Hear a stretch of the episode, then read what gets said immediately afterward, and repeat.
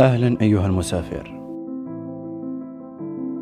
كفى بحثا عن المنطق في محيط الإحساس فالإحساس شعور لا تحسبه أرقام ولا تعرفه الكلمات. عواطفنا طائشة تنجذب لبعضها. خلقت جذابة بمنتهى الرقة لن تقاومها. صفات جذرية فطرية لا أحد يغيرها.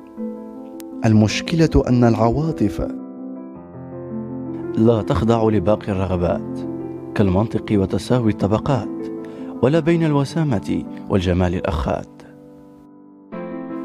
أرواحنا تشتهي بعدها بغض النظر عن المظهر والنفقات.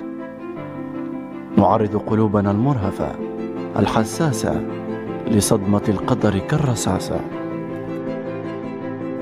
وإن تشتهي النفس وتعشق وتحب ما تبتغي.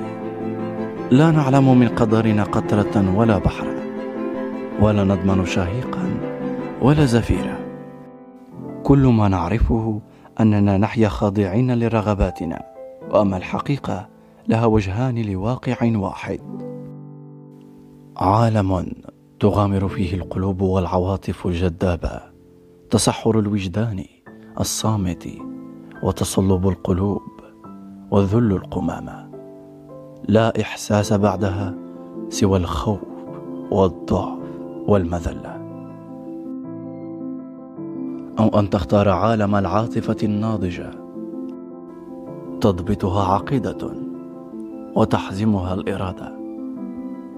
تذهب واثقا بأن الدنيا محض رحلة نحو الدائمة بلا هوادة. واصلت وجهتك أيها المسافر.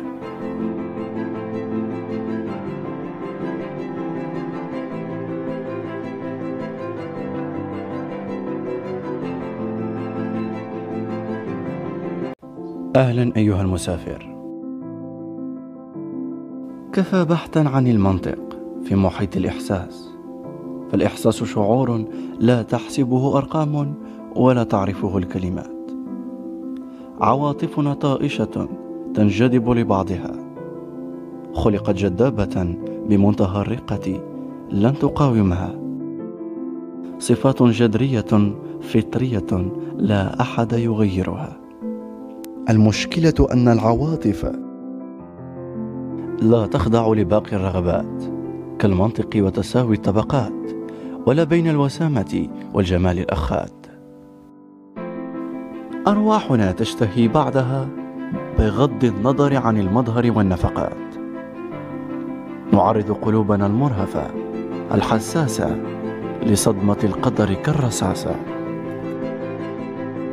وإن تشتهي النفس وتعشق وتحب ما تبتغي لا نعلم من قدرنا قطرة ولا بحرا ولا نضمن شهيقا ولا زفيرا. كل ما نعرفه أننا نحيا خاضعين لرغباتنا وأما الحقيقة لها وجهان لواقع واحد. عالم تغامر فيه القلوب والعواطف الجذابة تصحر الوجدان الصامت وتصلب القلوب وذل القمامة. لا إحساس بعدها سوى الخوف والضعف والمذلة. أو أن تختار عالم العاطفة الناضجة.